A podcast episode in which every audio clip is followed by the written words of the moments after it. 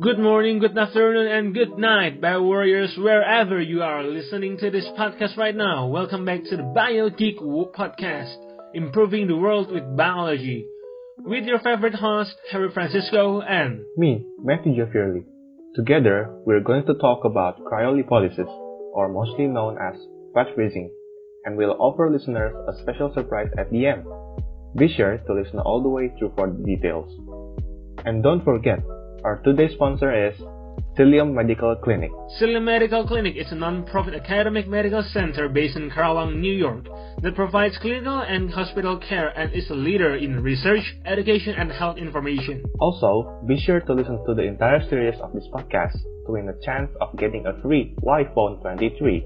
Okay, so to start off our podcast today, my friend Jaffe, do you know what fat freezing is? Well, fat freezing is a non-surgical procedure that uses a tool that utilizes low temperature that helps to lessen fat stores in specific spaces of the body. The official or the patented name of it is, is cool sculpting. Wow, you get a nice grasp on this topic, but hard to break it down to all bio warriors that these procedures only target subcutaneous fat and not visceral fat. Yup, subcutaneous fat is the kind of fat that may roll over the waistband of your pants and visceral fat is the one that may be found within your organs. As that being said, you all must keep in mind that cryolipolysis purpose is not for weight loss, but for fat loss. The procedure is intended to lessen confined fat stores in or lumps that do not react to diet or exercise. It isn't expected for individuals who are large or essentially overweight. But Harry, do you know the process of inventing this procedure is also interesting? The fellow benefactors were fascinated by the fact that inflammation could occur in a fat at low temperature but not with normal skin. This understanding was accounted for after small kids ate popsicles that were accidentally left laying their popsicles on the cheek for a long time. Skin tested from the children shows that many refer to as cold-induced fat necrosis. Finally, they concluded that fat might be more sensitive to cold injury than other tissue types. Wow, indeed, it's interesting. Moreover, the procedure of cold sculpting is quite simple actually. It can be done in a specialist office or in a small beauty clinic. Before you start the procedure, the doctor or other medical staff will evaluate the size and the state of the fat, then outline it with skin marking pencil. During the procedure, patients are awake. Then to freeze the layer of fat underneath the skin, a device called an applicator is used. Initially, a gel cushion is applied to the area to ensure the skin, then the fatty lump is vacuumed into the applicator's hollow opening, and you will feel pulling, shivering, stinging, throbbing, squeezing sensations as suction is applied.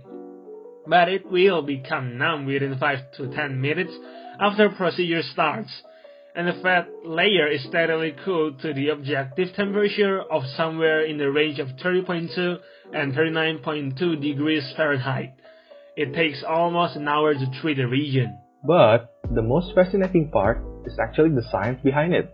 When the applicator was used in the skin, it obliterates fat cells while diminishing harm to the surrounding skin. The reason behind this is because skin, nerves, and muscles contain more water than fat. The cooling makes the fat cells to be inflamed, and it causes the release of cytokines. It is used to clean out the dead cells and debris. Normally, it will take 2 to 4 months for the body to clean all of the dead cells. Wow, it's truly a unique way to get rid of fat, but must bear in mind there are also some pros and cons to this thing.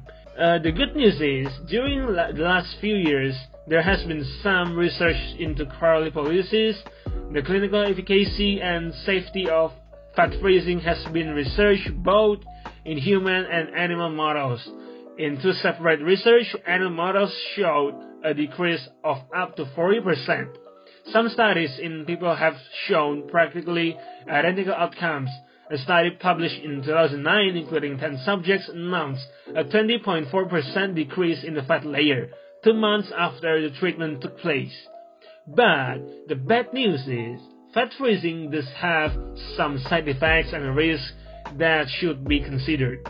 Those effects include bruising, redness, swelling, pain, and aching in the treatment site. The efficacy of cryolipolysis can cause the skin to sag and accumulate. Therefore, skin tightening treatments are needed to tighten the excess skin. Well, I am really fascinated by the fact that this treatment is non-invasive.